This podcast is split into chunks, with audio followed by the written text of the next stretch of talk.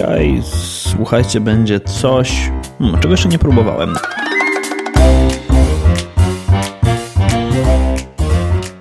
Dwa Edu. Podcast o szkoleniach, prezentacjach i technologiach wspierających rozwój. Jeśli zależy Ci na efektywności szkoleń i interesują Cię nowinki techniczne, ten podcast jest właśnie dla Ciebie.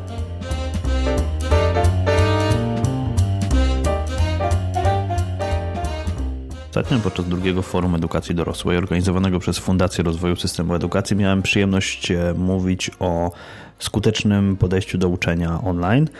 Prezentacja nazywała się e-learning na serio i dzisiaj chciałbym się podzielić z Wami kilkoma myślami, które przyświecały mi przy tej prezentacji.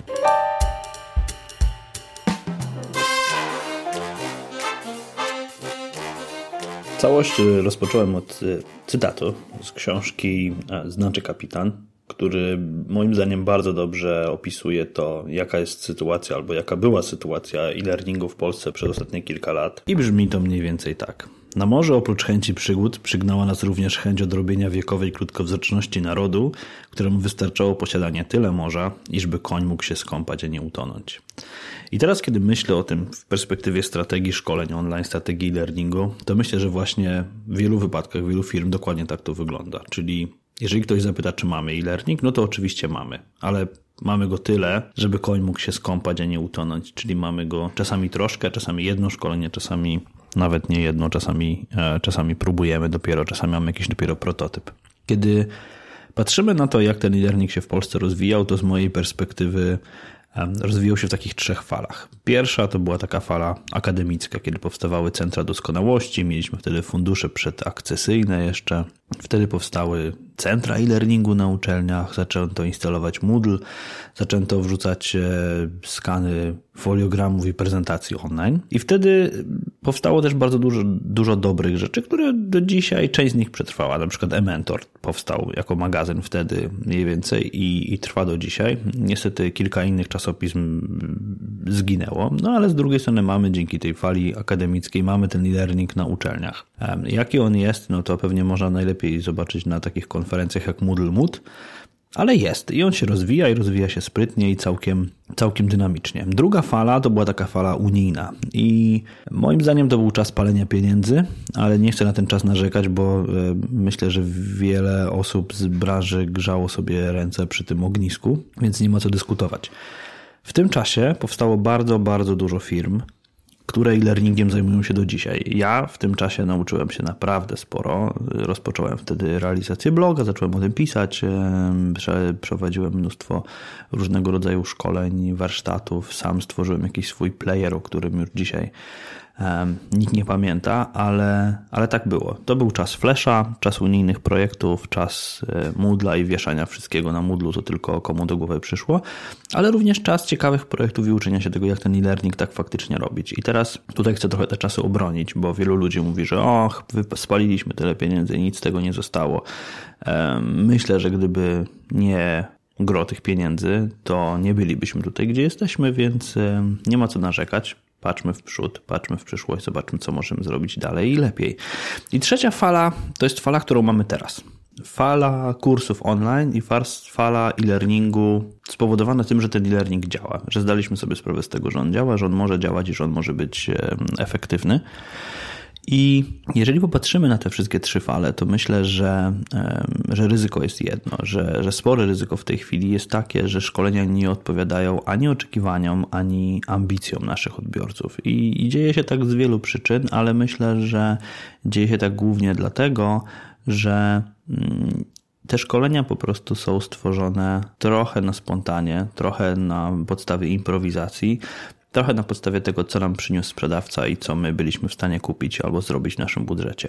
No i e, chcę tutaj skłonić nas do, do takich kilku kroków i do takiej refleksji, że no niestety nie wystarczy pływać tak, żeby nie utonąć, ale wpadałoby pływać w taki sposób, żeby to było właściwe, żeby to było efektywne i żeby to przynosiło jakieś konkretne rezultaty.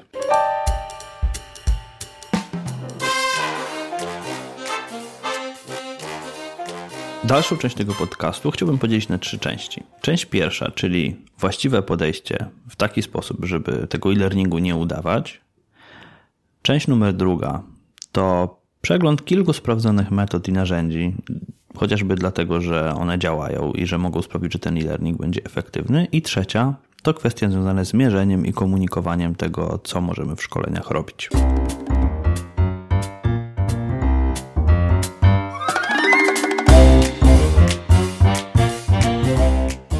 Zacznijmy więc od części pierwszej, czyli właściwym podejściu. I tutaj chcę Wam zasugerować coś takiego, co się nazywa Serious E-Learning Manifesto. To jest manifest wydany kilka lat temu przez największych guru e, branży e-learningu. Mm, oczywiście tam na stronie ich wszystkich znajdziecie, ale co z tego wynika? Ja sobie na, ten, na, na potrzeby tego e, i na podstawie tego manifestu uknąłem taką, taką tutaj swój, swój taki dekalog e-learningu i tego, jak pracuję i jak pracuję z, z klientami. E, I pozwolę sobie teraz przez niego przejść. Bo pierwszy punkt mówi, że nie zakładam, że szkolenie jest rozwiązaniem a tym bardziej, że szkolenie online jest rozwiązaniem najlepszym. Kiedy okazuje się, że szkolenie nie jest najlepszym sposobem na uzyskanie określonego rezultatu, który został zdefiniowany, albo na zaadresowanie potrzeby, no to nie polecę żadnemu klientowi szkolenia. Jeżeli powiesz mi, że chcesz szkolenie, to ja ci nie polecę szkolenia. Powiem, że no sorry, ale najpierw musisz rozwiązać rzeczy X, Y i Z, a dopiero potem możesz się zastanawiać nad szkoleniem. Zakładanie, że szkolenie jest rozwiązaniem najlepszym, mm, jest często podejściem sprzedawcy szkoleń albo podejściem, które jest najłatwiejsze i niekoniecznie najlepsze.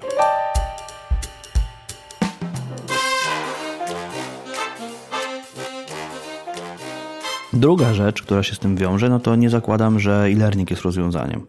Czyli analizuję, mówię trochę jak w pokerze, sprawdzam, kwestionuję i podważam i testuję, czy e-learning ma w danym kontekście sens, dla danej grupy ma sens. Bo może się okazać, że y, sens ma, ma, ma 50 innych metod rozwojowych, a e-learning jest w danym wypadku rozwiązaniem najgorszym.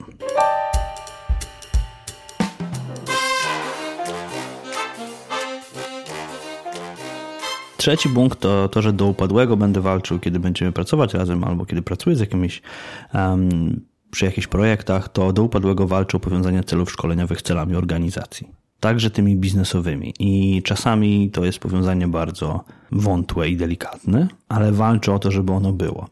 Bo wtedy nie ma problemu z tym, jeżeli im to powiązanie jest lepsze, tym mniejszy problem z tym, że kończy się budżet na szkolenia. Im to powiązanie jest słabsze, tym łatwiej podważyć sensowność takiego szkolenia w ogóle.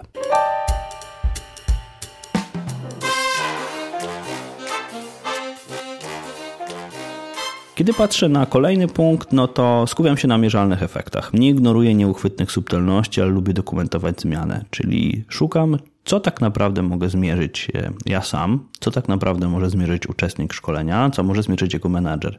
Nie patrzę na uczestnika szkolenia jako tylko i wyłącznie jedną osobę, która może dać mi informacje, albo nie patrzę tym bardziej na system IT i tylko i wyłącznie na to, jakie może mieć dać informacje na temat czasu spędzonego na szkoleniu, albo e, co może przynieść mi SCORM. Patrzę, co jest naokoło otoczenia tego naszego odbiorcy i co tak naprawdę możemy zmierzyć pośrednio, albo niekoniecznie ilościowo, ale na przykład y, co możemy sprawdzić jakościowo.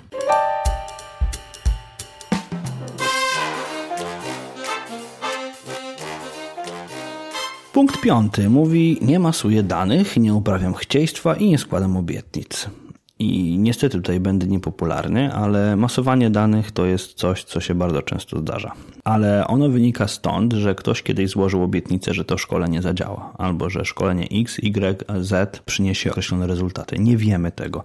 W wielu wypadkach jesteśmy w stanie stwierdzić, że szkolenie dostarczymy, albo że je zrobimy, albo że ileś osób się na nie zapisze, a nie to, że e, ktoś je ukończy. My chcemy, żeby ktoś je ukończył, ale to, że my chcemy, to nie znaczy, że ktoś je faktycznie ukończy i potem następuje właśnie masowanie danych. Mamy dane jakieś i staramy się je zmienić w taki sposób, żeby uzyskać zielone słupki na wszystkich slajdach.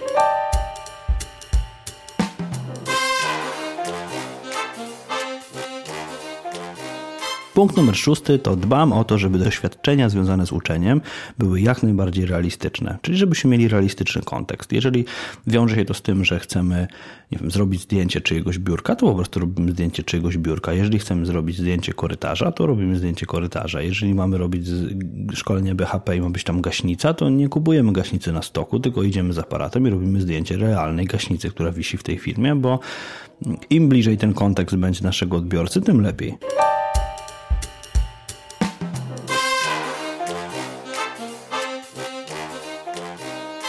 Kolejny punkt, już jesteśmy w punkcie numer 7, więc słuchajcie, jeszcze tylko 3. Tworzę, wykorzystuję i stosuję uczenie w kontekście, dbając o zaangażowanie, wyzwania i projektując rozbudowane informacje zwrotne. Model CCAF Michaela Elena. Odsyłam Was do książki w linku pod tym podcastem. Obowiązkowa lektura dla wszystkich, którzy chcą robić skuteczny e-learning. Tworzenie odpowiednich kontekstów, wyzwań i dawanie rozbudowanego feedbacku naprawdę uczy i naprawdę działa.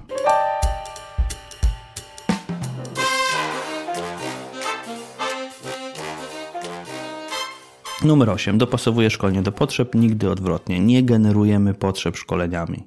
Nie, nie przychodzimy do klienta z gotowym szkoleniem i mówimy, o tu masz szkolenie, proszę bardzo, ono rozwiąże takie i takie twoje problemy.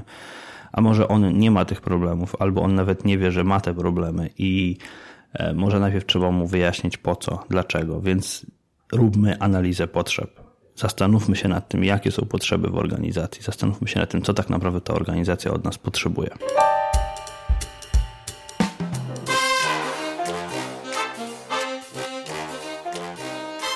Numer 9. Dbajmy o to, żeby motywować. Zastanówmy się nad tym, w jaki sposób będziemy motywować naszych uczestników, co my tak naprawdę dla nich zrobimy, jak będziemy ich angażować, jak będziemy ich wprowadzać do naszego materiału szkoleniowego.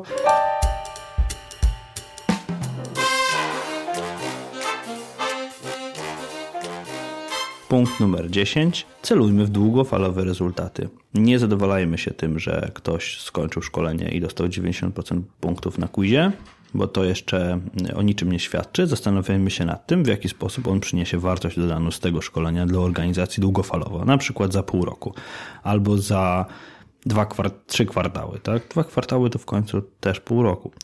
E, zastanówmy się nad tym, jaka jest odroczona gratyfikacja dla nas jako twórców z tego szkolenia i to tak naprawdę długoterminowo jest ważne. Takie podejście sprawia, że mm, ludzie zaczynają widzieć, że te szkolenia są dla nas, dla nas e, istotne, że są ważne dla organizacji, że mają sens i dużo chętniej się po prostu uczą.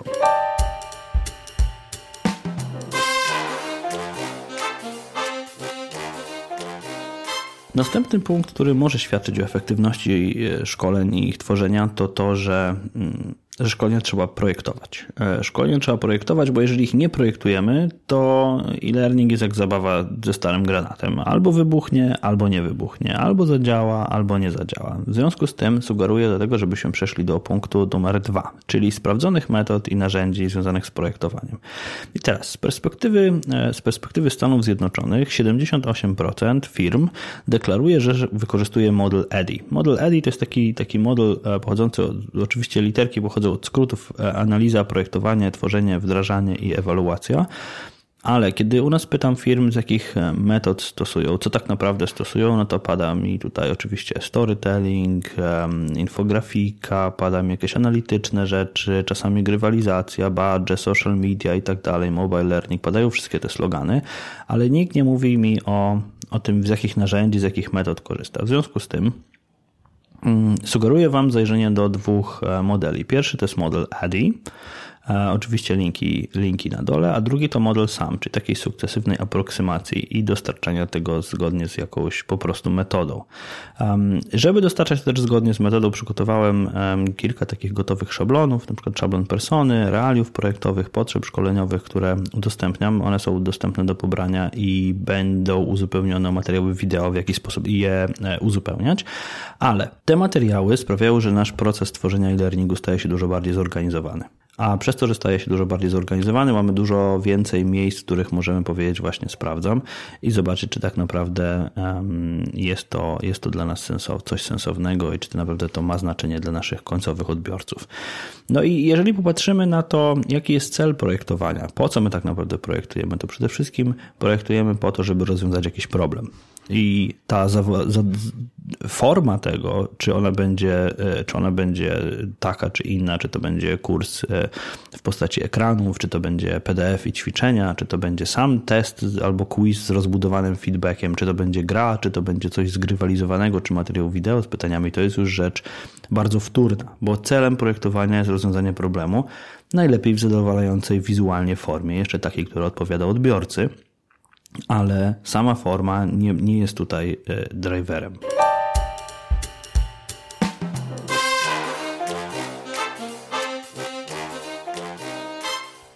Ostatnim elementem, na który chciałbym, żebyśmy zwrócili uwagę, jest mierzenie. I jeżeli chodzi o mierzenie, to jest temat, na którym pewnie moglibyśmy spędzić, e, spędzić godziny, ale chcę, żebyśmy się skupili na trzech aspektach.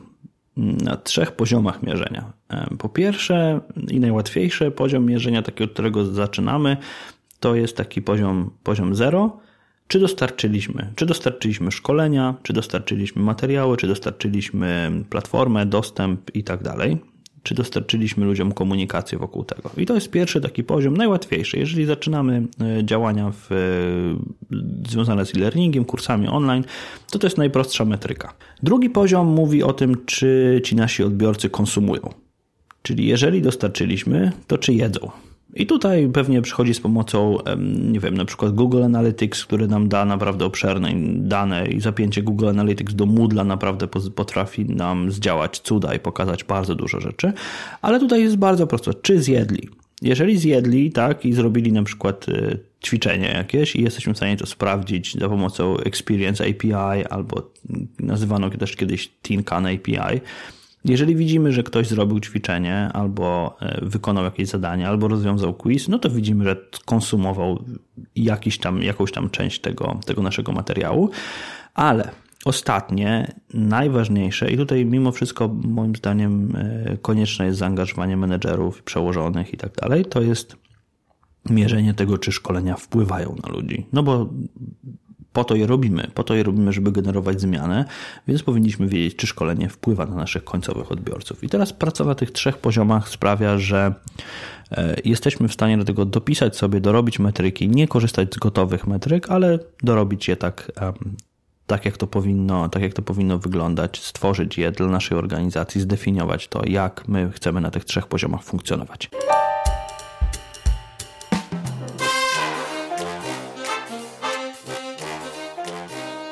Podsumowując, bo już się trochę rozgadałem na temat, na temat tego, tego wystąpienia, oczywiście odsyłam was, do, odsyłam was do prezentacji, bo ona dorzuci wam, trochę, dorzuci wam trochę danych, trochę kontekstu, trochę przykładów, trochę wizualizacji. Ale podsumowując, do czego chciałbym was bardzo, bardzo zachęcić, żeby podejść do e-learningu trochę inaczej, żeby spróbować e, przejść od takiego podejścia, które w tej chwili jest bardzo popularne, czyli jak tego nauczyć. I to jest takie podejście nauczycielskie. Jak my tego nauczymy?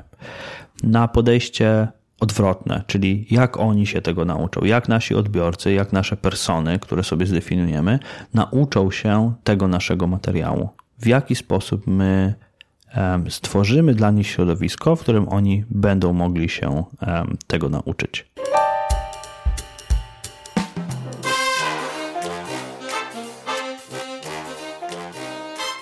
To na dzisiaj tyle.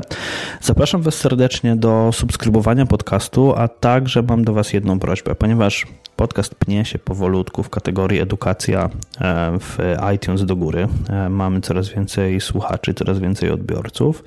To mam do Was prośbę o to, żebyście napisali recenzję i ocenili ten podcast, bo im więcej tych recenzji tam się pojawi, i nie mówię, że potrzebuję ich 60, chociaż byłoby miło, ale może wystarczy 6. E, zachęcam Was bardzo do tego, żeby, e, żeby komentować, zadawać pytania, bo może w końcu zrobimy jakiegoś QA, jeżeli się pytania pojawią.